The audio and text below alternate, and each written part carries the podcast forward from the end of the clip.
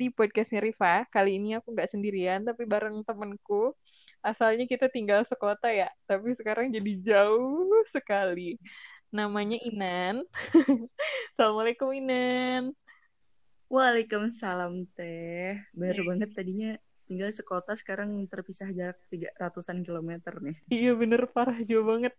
Tapi meskipun sekarang tinggalnya udah jauhan, tapi kita masih sering diskusi bareng.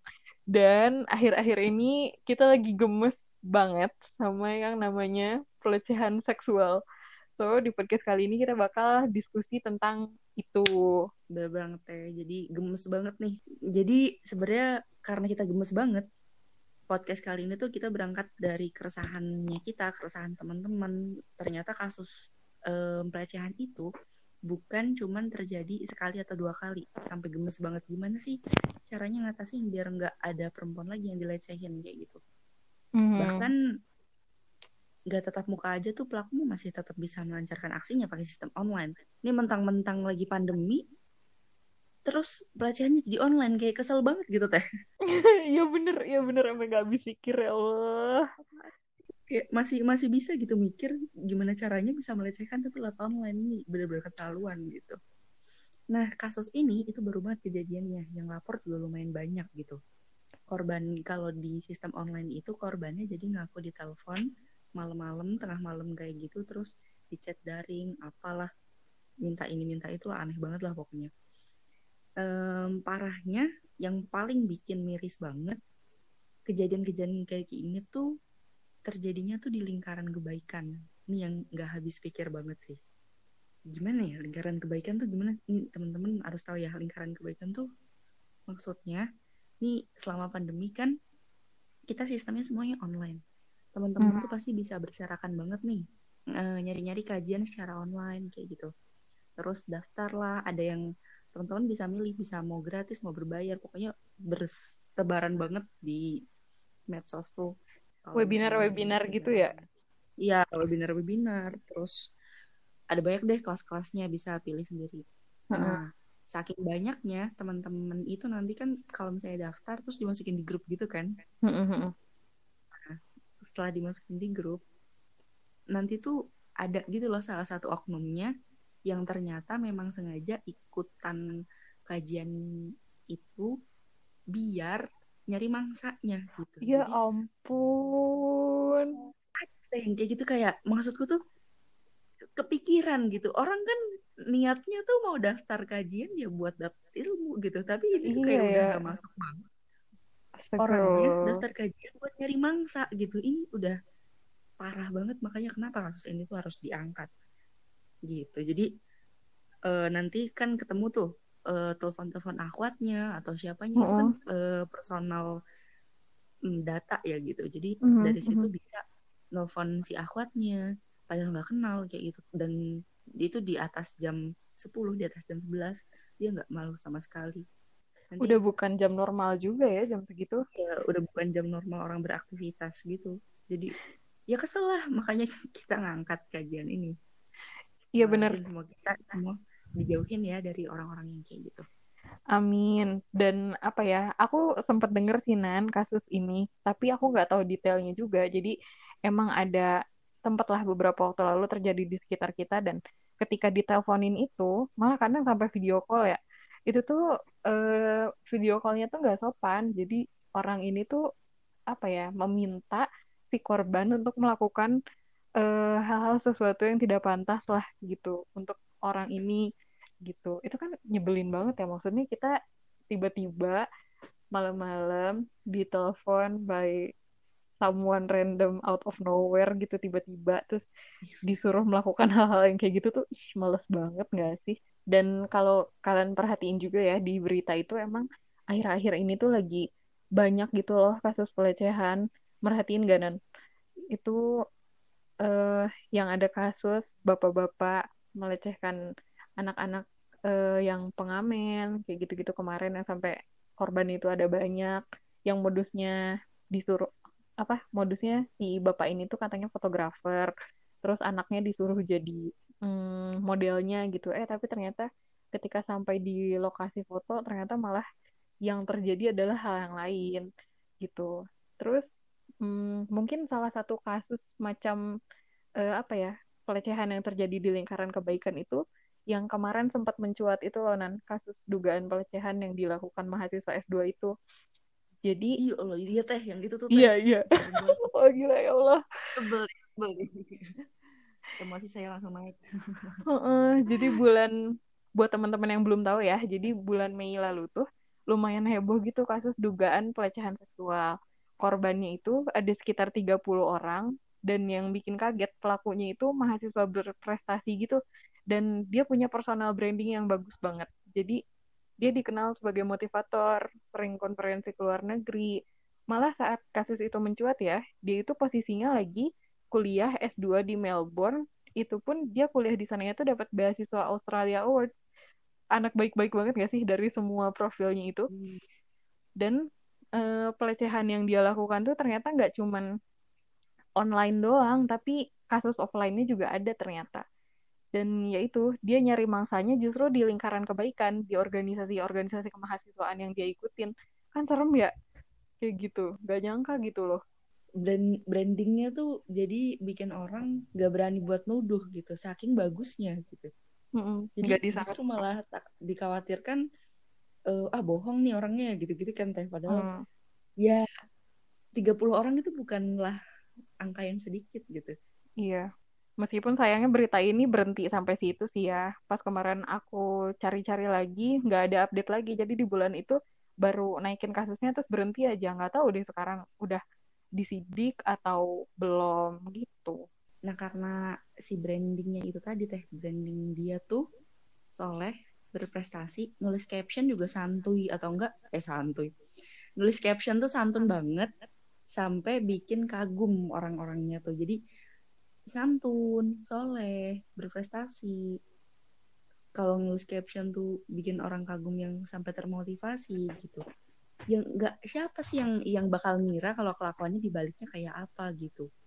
Padahal ternyata dia dibaliknya itu melakukan hal yang tidak patut sampai bukan cuma satu atau dua orang mungkin banyak orang yang sampai akhirnya mereka ini mungkin ada benang merahnya gitu kali ya sampai bisa ngadu bareng-bareng gitu. Akhirnya ketahuan hmm. lah kalau brandingnya itu tuh ya sekedar branding aja gitu tapi dibaliknya ya Allah alam iya nah uh, tapi ya yang paling bikin aku kesel dari kasus-kasus seperti ini adalah dampak dari kasus-kasus ini terhadap nilai-nilai yang selama ini uh, nempel pada si pelaku maksudnya dia kan itu tadi ya brandingnya anak baik-baik pinter motivator terus dan terutama dia sering uh, apa ya men, apa ya tercitrakan sebagai orang soleh gitu.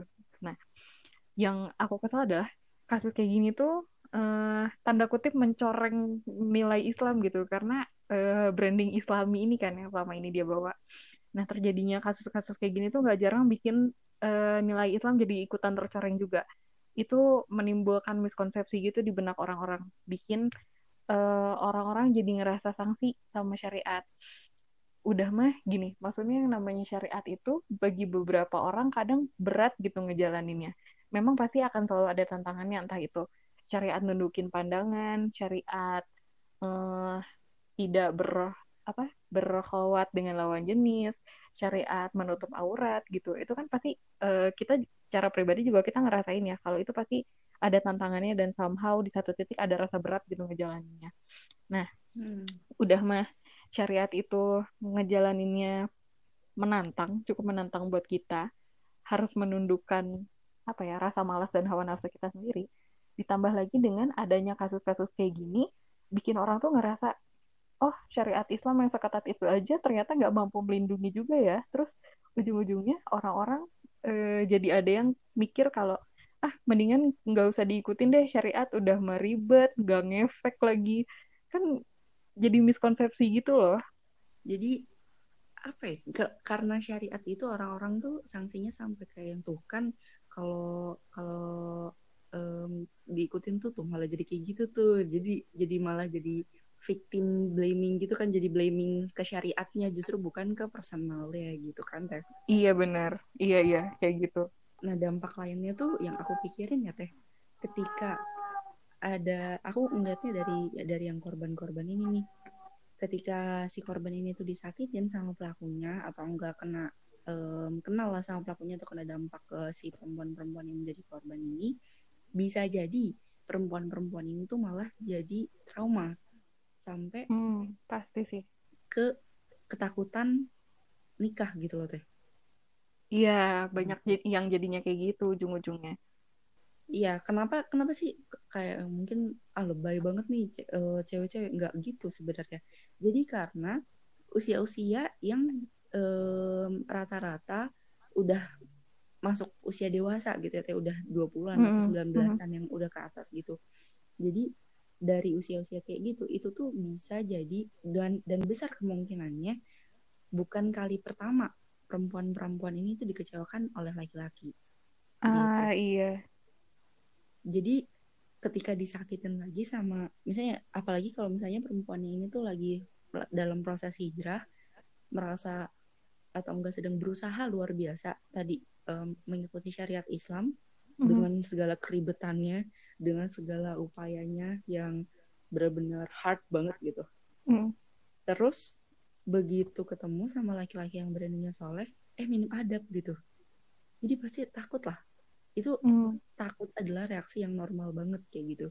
Dia pasti langsung mikir deh harus dengan penjagaan yang gimana lagi coba? Harus milih yang kayak gimana? Kalau ternyata branding aja tuh bisa segitu menipunya gitu iya dan sayang banget kalau misalnya dia sampai ngira itu tadi kayak ah aku udah sepenuh hati ngikutin syariat ternyata gue masih kena juga gitu makanya sayang banget kalau hal-hal kayak gini tuh jadi uh, apa ya me menghalangi atau ngebelokin kita dari menjalankan apa yang Allah perintahkan.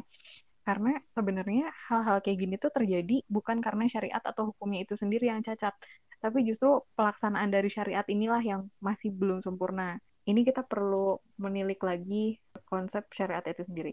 Syariat itu kan dibikin sama pencipta kita ya, sama Allah yang notabene paling tahu gimana sih cara kerja eh, ciptaannya sendiri gitu.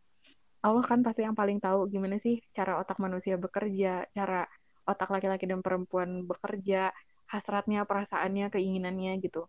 Nah, dan Allah selaku pencipta, Allah bilang syariat menutup aurat dan menundukkan pandangan ini ada salah satunya untuk melindungi gitu fungsinya supaya kita nggak diganggu. Ini penjelasan ayat Al-Qur'annya seperti itu kan bunyi ayatnya. Iya, nah, supaya perlindungannya ini berfungsi, ya eh, syariat ini harus beneran dijalankan. Contohnya ya, biar kebayang. Ibarat masker gitu. Masker mau kualitasnya sebagus apa pun, kalau nggak kita pakai ya nggak bakal bisa melindungi kita dari corona. Masker itu baru bisa berfungsi kalau dia udah dipakai kan, baru kita terlindung dari corona gitu. Nah, ini yang sering kali kita salah kaprah.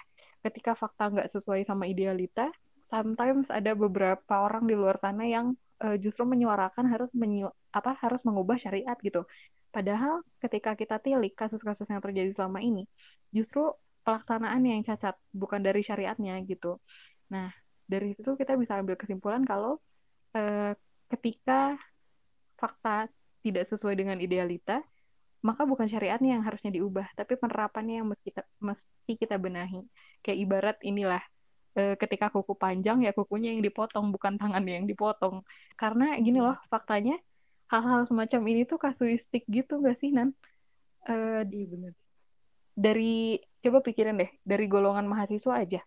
Dari sekian ribu mahasiswa yang, di Indo yang ada di Indonesia, dari sekian ribu mahasiswa yang berprestasi, baik, soleh di Indonesia, berapa banyak sih yang ternyata di antara mereka semua yang ternyata uh, pelaku pelecehan gitu? Pasti yang jumlahnya sedikit kan? Semua, iya, iya, iya kan? Oknum pasti, gitu loh. Uh -uh, pasti cuma oknum doang gitu. Sekian persen lah paling dari semua mahasiswa yang berprestasi baik dan soleh itu yang ternyata perilakunya bejat gitu. Dari situ berarti artinya Eh, nggak semua orang yang kelihatannya baik dalamnya busuk gitu. Faktanya lebih banyak orang yang kelihatan baik dan dalamnya baik juga gitu. Jadi jangan khawatir saat kita mau milih calon pasangan nanti selama kita melakukannya dengan cara yang baik dan niat kita buat nikah itu uh, dijaga supaya selalu sesuai keridoan Allah. Insya Allah nanti kita pasti juga dapatnya yang baik karena Allah sendiri yang jamin kan di dalam Quran perempuan yang baik itu buat laki-laki yang baik dan sebaiknya gitu. Poin utamanya ada di ikhtiarnya itu tadi kita niat nikahnya benar atau enggak? Kita e, memperbaiki dirinya benar-benar atau enggak? Iman kitanya sama Allah sungguh-sungguh atau enggak? Dan cara kita dalam mencari calonnya ini benar atau enggak? Nah kalau kita memastikan setiap stepnya sudah sesuai dengan cara yang Allah ridhoi dan kita nggak nggak berusaha curi-curi insya Allah Allah juga nggak bakal ngasih calon yang kualitasnya kualitas reject gitu.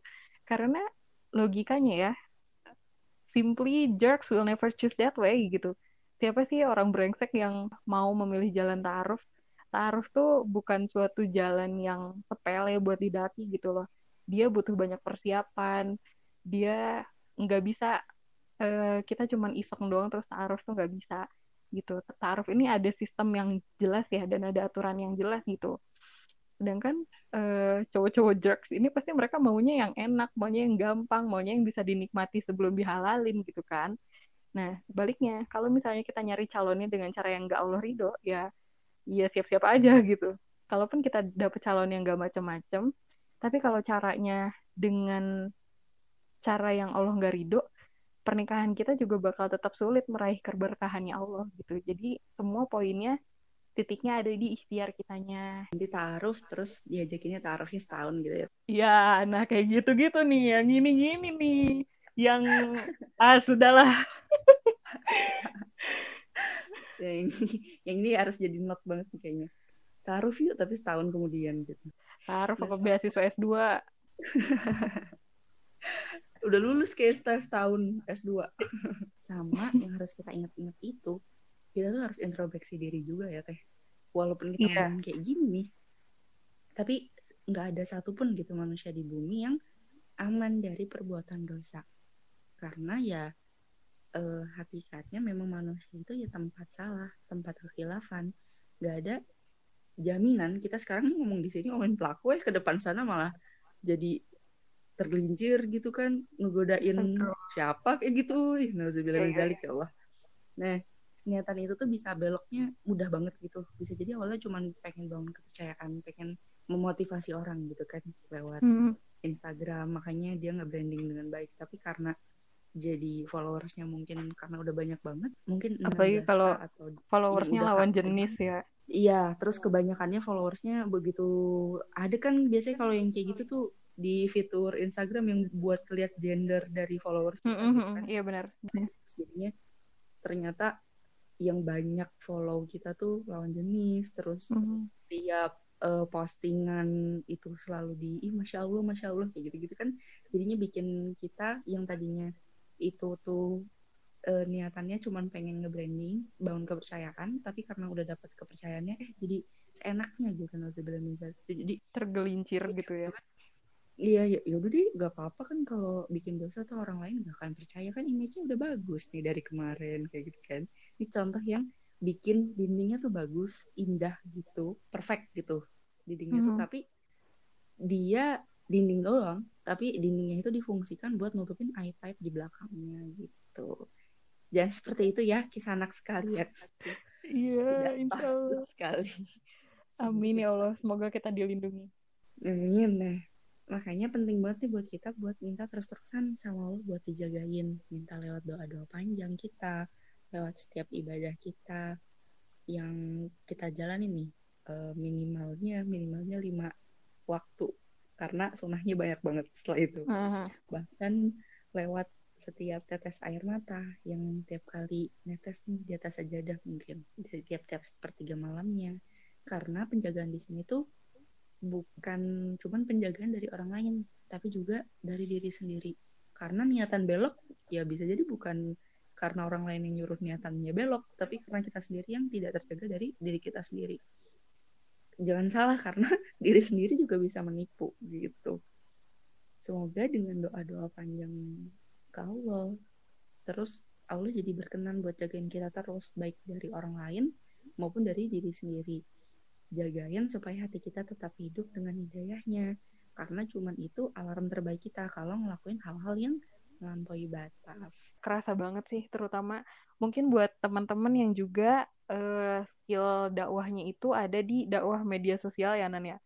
kayak Iya. orang-orang yang eh, orang-orang yang eh, memang skill dakwahnya itu ada di dakwah medsos entah itu nulis di Instagram atau bikin podcast ini kerasa banget sih sama aku pribadi terutama ketika kita dakwah di medsos itu godaannya bener-bener masya Allah gitu entah itu dari popularitasnya lah entah itu apa ya pokoknya setiap pujian yang orang kasih setiap komen like setiap share itu tuh kayak kerasa banget berpotensi menggelincirkan dengan amat mudah gitu. Yang namanya niat kan kayak apa ya cair banget gitu loh dan dia amat sangat tidak stabil gitu. Makanya eh, dalam bab niat itu setiap kali kita dengar kajian tentang niat itu pasti selalu diingetin bahwa yang namanya niat itu harus diperbaharui baik itu sebelum proses atau saat proses dakwah kita baik eh apa bahkan sampai setelahnya gitu. Bahkan sampai kita meninggal nanti yang namanya niat-niat setiap ibadah kita itu harus selalu terus diperbaharui karena ya itu tadi apa ya licin banget. Ya nggak sih Nan? Gampang banget tergelincirnya. Orang jadi pelaku tuh kadang nggak nggak apa ya nggak action yang dibutuhkan untuk jadi seorang pelaku itu nggak harus sampai pelecehan seksual secara fisik gitu. Tapi kadang kadang tanpa sadar kita melakukan itu gitu. Kita nggak nyangka itu pelecehan padahal ternyata itu pelecehan. Kayak misalnya eh, dulu sempat ada kasusnya Jojo tuh. Ingat gak Yang mana kasus yang main badminton roti Oh sobek roti sobek. iya, iya bener-bener. Iya kan? Yang nah lempar waktu kaos. Iya bener. Nah itu tuh kan kayak eh, ketika dia spontan melakukan itu di lapangan, terus cewek-cewek langsung pada iya jerit-jerit, of course, jerit-jerit. Terus, nah setelah jerit-jeritnya ini nih yang mulai makin lama makin kelewat batas gitu. Banyak komen-komen yang eh komen-komen kayak gitulah. Nah jangan sampai karena kita cewek, terus kita ngerasa komentar-komentar tidak pantas yang kita lakukan itu tidak termasuk pelecehan seksual gitu. Karena faktanya itu termasuk pelecehan secara verbal juga kan menjurus kepada hal-hal yang enggak-enggak dan yang perlu kita ingat nggak cuma cewek yang bisa jadi korban pelecehan seksual tapi cowok juga bisa gitu. Baik secara verbal ataupun secara fisik. Nah pertanyaannya gimana sih sebenarnya cara yang tepat supaya kita bisa terhindar dari pelecehan seksual online terlebih di masa pandemi yang segalanya serba online gini gitu? Bener banget. Dari tadi kita ngomongin, udah ngomongin kenapa kasus diangkat, terus ngomongin pelakunya gimana, sampai ke iya. apa ya, muhasabah diri gitu ya. iya bener jadi sampai lupa.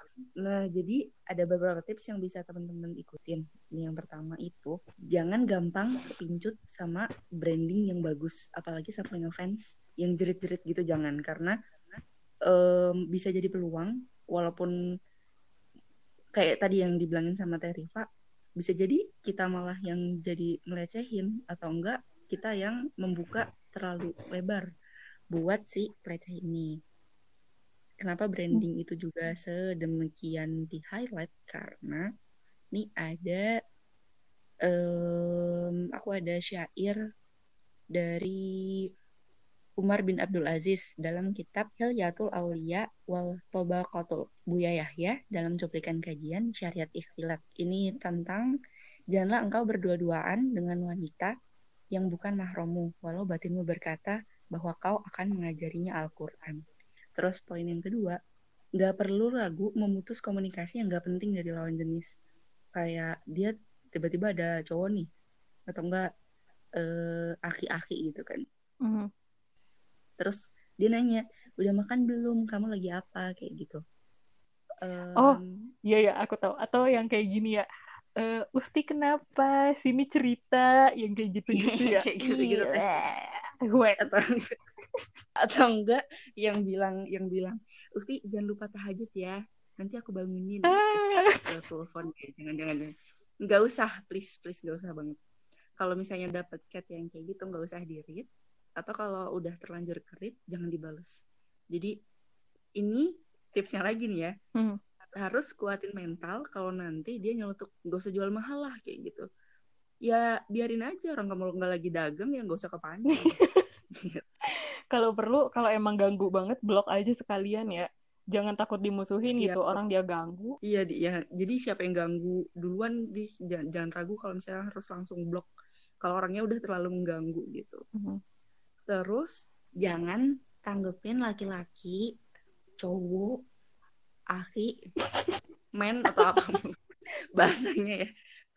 Brother brother. Manusia sejenis itu. Iya brother brother itu agan-agan kalau telepon di atas jam 21 malam atau enggak di jam-jam yang sebenarnya dia udah nggak wajar buat aktivitas kayak jam 10 jam 11 jam 12 sekalipun ya ada juga orang yang masih melek tapi sebenarnya itu udah bu- bukan waktu-waktu untuk aktivitas sebenarnya udah waktu istirahat. Udah nggak wajar ya. Kalau nggak ya sekalipun kayak misalnya ini masih melek nih terus ada telepon masuk terus kita nggak tahu pas cek HP lagi eh ada telepon gak keangkat kayak gitu. Tapi waktu dilihat profile picture-nya itu tuh udah ketahui nih ini malah laki kayak gitu.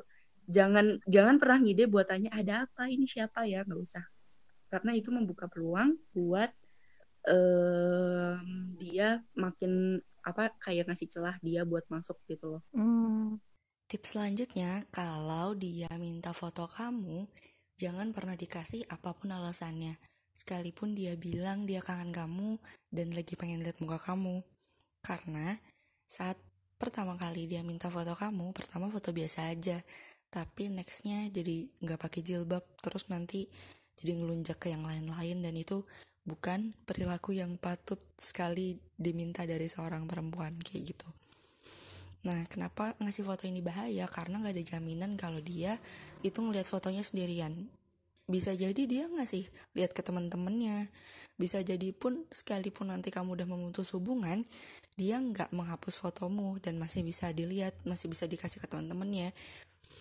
Kalau misalnya fotonya pas lagi nggak nutup aurat, itu bisa jadi dosa jariah loh. Makanya jangan pernah jadi nggak um, usah memenuhi yang kayak gitu kalau bisa sih begitu dia udah minta yang aneh-aneh gitu langsung blok aja nggak masalah putus hubungan putus hubungan dari situ gitu itu nah terus yang keempat itu waspada sama gaya bahasanya diri kita tuh jangan ngasih celah topik melebarnya ke mana-mana fokus ke bahasan terus kalau misalnya dia lawan jenis gitu jangan kepancing kalau dia terus-terusan chat cenderung ngejar gitu loh sampai bikin kita tuh ngerasa terikat tanpa ikatan nih amit-amit banget. Kenapa aku bilang? Karena jadi orangnya tuh pasti ngejar-ngejar gitu loh, tipikal yang ngejar-ngejar Hmm. yang kalau misalnya di read doang terus eh di read doang ya kok gitu sih. Oh ya udah dia lagi sibuk ya kayak gitu-gitu tuh eh, jangan ya biarin aja gitu. Karena kalau misalnya udah terus-terusan diladenin bisa jadi kita itu jadi ngerasa em, terikat tanpa ikatan. manipulatif gitu ya Laki-laki, Iya, Jadi kayak- manipulatif sekalipun kayak apa tuh teh? kayak dia berusaha eh, membuat kita jadi miss punchback gitu loh. Jadi kayak dia ngasih kode-kode yang bikin kita ngerasa harus nanya balik atau eh, kayak gitulah. Jadi dan ujung-ujungnya bikin kita ngerasa bersalah kalau misalnya kita nyuekin dia atau ngejauhin dia meskipun teman sendiri tapi banyak kayak kasus-kasus yang kayak gini kalau kita lihat di lapangan gitu. Iya benar. Jadi ngerasa nyaman. Akhirnya membuat kita terikat eh, tanpa ikatan kayak gitu. Laki-laki yang baik itu nggak bakalan ngelakuin hal itu. Kenapa? Karena em, anjurannya adalah seorang pemberani bukanlah orang yang melindungi tunggangannya pada saat berada di medan laga dan ketika api peperangan tengah berkecamuk. Akan tetapi, pemuda yang menahan pandangannya dari haram itulah sang kesatria. Jadi sekalipun ini tuh syairnya Ibnu Qayyim Al-Jauziyah dalam Jami'ul Ulum wal Hikam.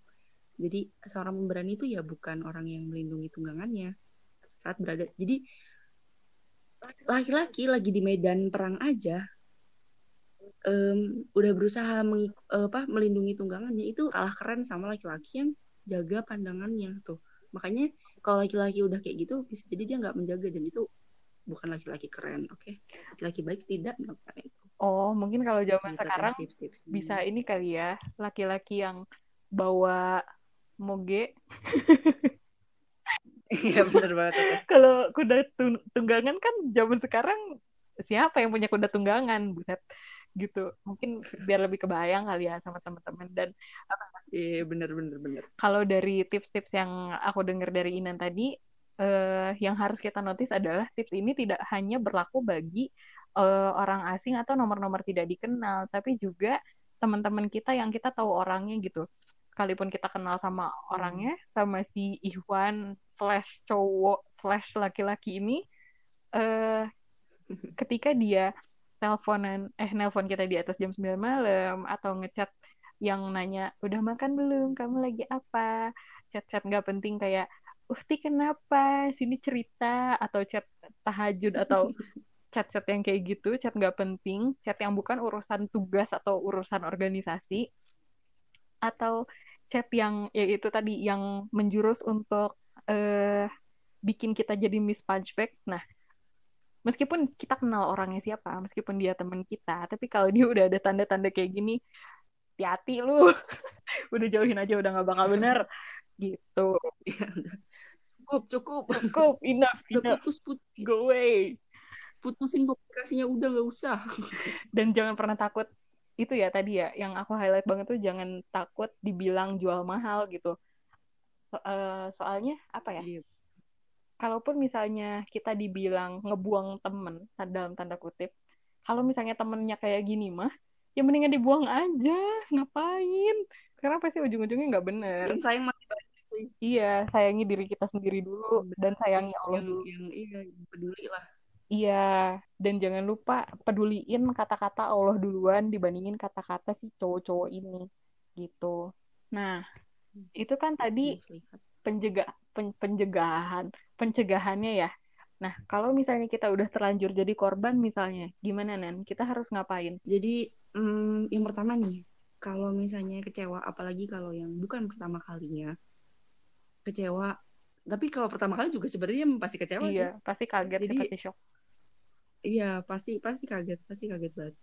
Jadi kalau kecewa, nangis aja nggak apa-apa sampai lega. Itu tuh nggak apa-apa, nggak apa-apa banget. Sadarin, jadi eh, karena sam- kalau kecewa, nangis tuh itu adalah apa ya? Respon yang reaksi yang normal. normal gitu. Mm-mm. Respon yang normal ya karena ya memang sakit kok kalau digituin tuh sakit banget. Tapi nih ya ada catatannya sadari kalau perlu bantuan profesional. Hmm, Gimana iya. tuh ciri-cirinya kalau misalnya perlu bantuan profesional? Kesedihan itu yang gak berhenti lebih dari tiga hari ya. Kayak merasa takut, merasa nggak berarti, nggak merasa nggak berharga, terus nangis, terus nggak selesai-selesai tiga hari ini. Em, disarankan buat pergi ke psikolog nih sebelum jadi tambah parah. Jangan nunggu sebulan, jangan nunggu seminggu. Kalau misalnya udah tiga hari bener-bener nggak ada surutnya sama sekali, stagnan aja di situ rasa takutnya, rasa gelisahnya, Mhm. sampai kesedihannya itu stagnan. Ini emang udah harus butuh bantuan psikolog. Nah, jangan ragu buat ke psikolog ya teman-teman. Gitu. Nah, kalau misalnya udah masuk ke dalam pelecehan berat, bisa mulai dengan cerita sama orang yang dipercaya. Terus eh, jangan ragu lapor, apalagi kalau misalnya ada barang bukti kayak gitu. Dan poin yang terakhir, ini time will heal. Jadi nggak apa-apa kalau masih ngerasa takut, mungkin trauma, bahkan udah ke psikolog pun nggak secepat itu kok. Maksudnya nggak secepat itu kadang dia bisa jadi normal lagi. Ada ada ada perlahan-perlahan kayak gitu. Butuh proses ya, Izinkan Nen. diri buat Mm-mm, butuh proses, tapi tapi pastikan ngizinin diri sendiri itu buat bangkit lagi, buat bangun lagi. Terus nggak semua luka itu tuh punya tujuan destroy gitu. Kebanyakan malah ngasih kita pelajaran yang nggak akan didapetin di kelas-kelas formal, kelas-kelas macam perkuliahan kayak atau kelas-kelas di sekolah kayak gitu. Kadang ya luka yang kita dapetin dari orang lain justru ngasih kita pelajaran dan bikin kita jadi lebih ngerti ketika ada orang lain yang eh, merasakan hal yang sama kayak gitu. Jadi ada ladang berbagi juga di situ gitu. Hmm, iya. Terus banget em, yang pernah ngalamin kejadian kurang menyenangkan. Kalau misalnya dan sekarang bagi teman-teman yang punya kasus pelecehan dan butuh konseling, teman-teman bisa eh, konseling di Ayla Care at Ayla Ayla Indonesia. Bisa lewat DM Instagram nanti biar pihak Ayla balas DM teman-teman. Kalau misalnya teman-teman ingin lapor terkait kejadian pelecehan dan punya bukti, itu teman-teman bisa kontak Paham at Paham Indonesia nanti juga bisa lewat DM biar dibalas oleh pihak pahamnya gitu Gitu. Hati kita bersama kalian semua ya yang pernah eh, mengalami hal-hal seperti ini gitu dan eh, buat teman-teman di luar sana yang belum pernah ngalamin uh, semoga jangan pernah nauzubillah semoga sampai wafat kita semua dilindungi sama Allah. Jadi gitu ya teman-teman. Buat teman-teman di luar sana baik cewek ataupun cowok stay close to Allah ya. Karena poinnya ketika kita uh, udah menjaga diri nih yang cewek dan cowok masing-masing udah menutup aurat masing-masing udah menundukkan pandangan eh ternyata masih kena juga gitu. Uh, pelecehan seksual. Kadang-kadang bakal timbul rasa bersalah gitu dalam diri kita. Kenapa uh, kita jadi korban? Kenapa hal seperti ini terjadi pada kita gitu? Nah ingat teman-teman selama teman-teman udah uh, ngikutin aturan mainnya Allah selama teman-teman udah menjaga diri menjaga pandangan menjaga komunikasi juga udah menutup aurat juga. Nah selama teman-teman udah berikhtiar di jalan Allah semaksimal mungkin tapi teman-teman masih juga jadi korban. Nah jangan pernah merasa bersalah karena kalian udah melakukan yang terbaik buat diri kalian. Allah tahu betul apa yang kalian udah ikhtiarkan, apa yang udah kalian lakukan gitu dan apa yang terjadi sama kalian itu bukan berarti karena Allah benci tuh. Pasti ada jalan keluar kita bisa saling bantu bisa saling menyembuhkan.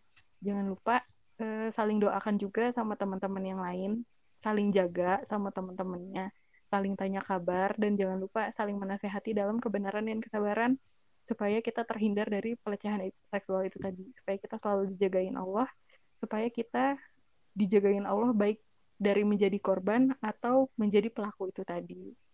Oke, okay, uh, eh, terima kasih banyak banget Inan udah sharing di uh, podcastku kali ini. Akhirul kalam, semoga bermanfaat buat teman-teman semua yang mendengarkan. Uh, kita minta maaf kalau misalnya kita ada salah-salah kata, ada kekurangan dalam podcast ini. Oh iya, buat teman-teman yang ngedengerin, boleh banget di-share ke teman-teman yang lain mau itu nge-share linknya atau teman-teman bikin konten dari podcast ini mangga boleh banget uh, supaya makin banyak teman-teman yang aware soal pelecehan seksual makin bisa jaga diri bisa ngingetin sama teman-temannya soal gimana sih cara ngejaga diri dari pelecehan seksual apa yang harus dilakukan kalau kita jadi korban misalnya.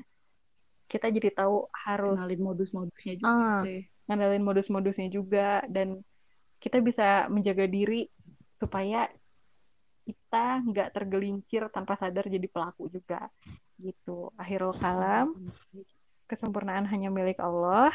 Rifa pamit Inan pamit. Assalamualaikum warahmatullahi wabarakatuh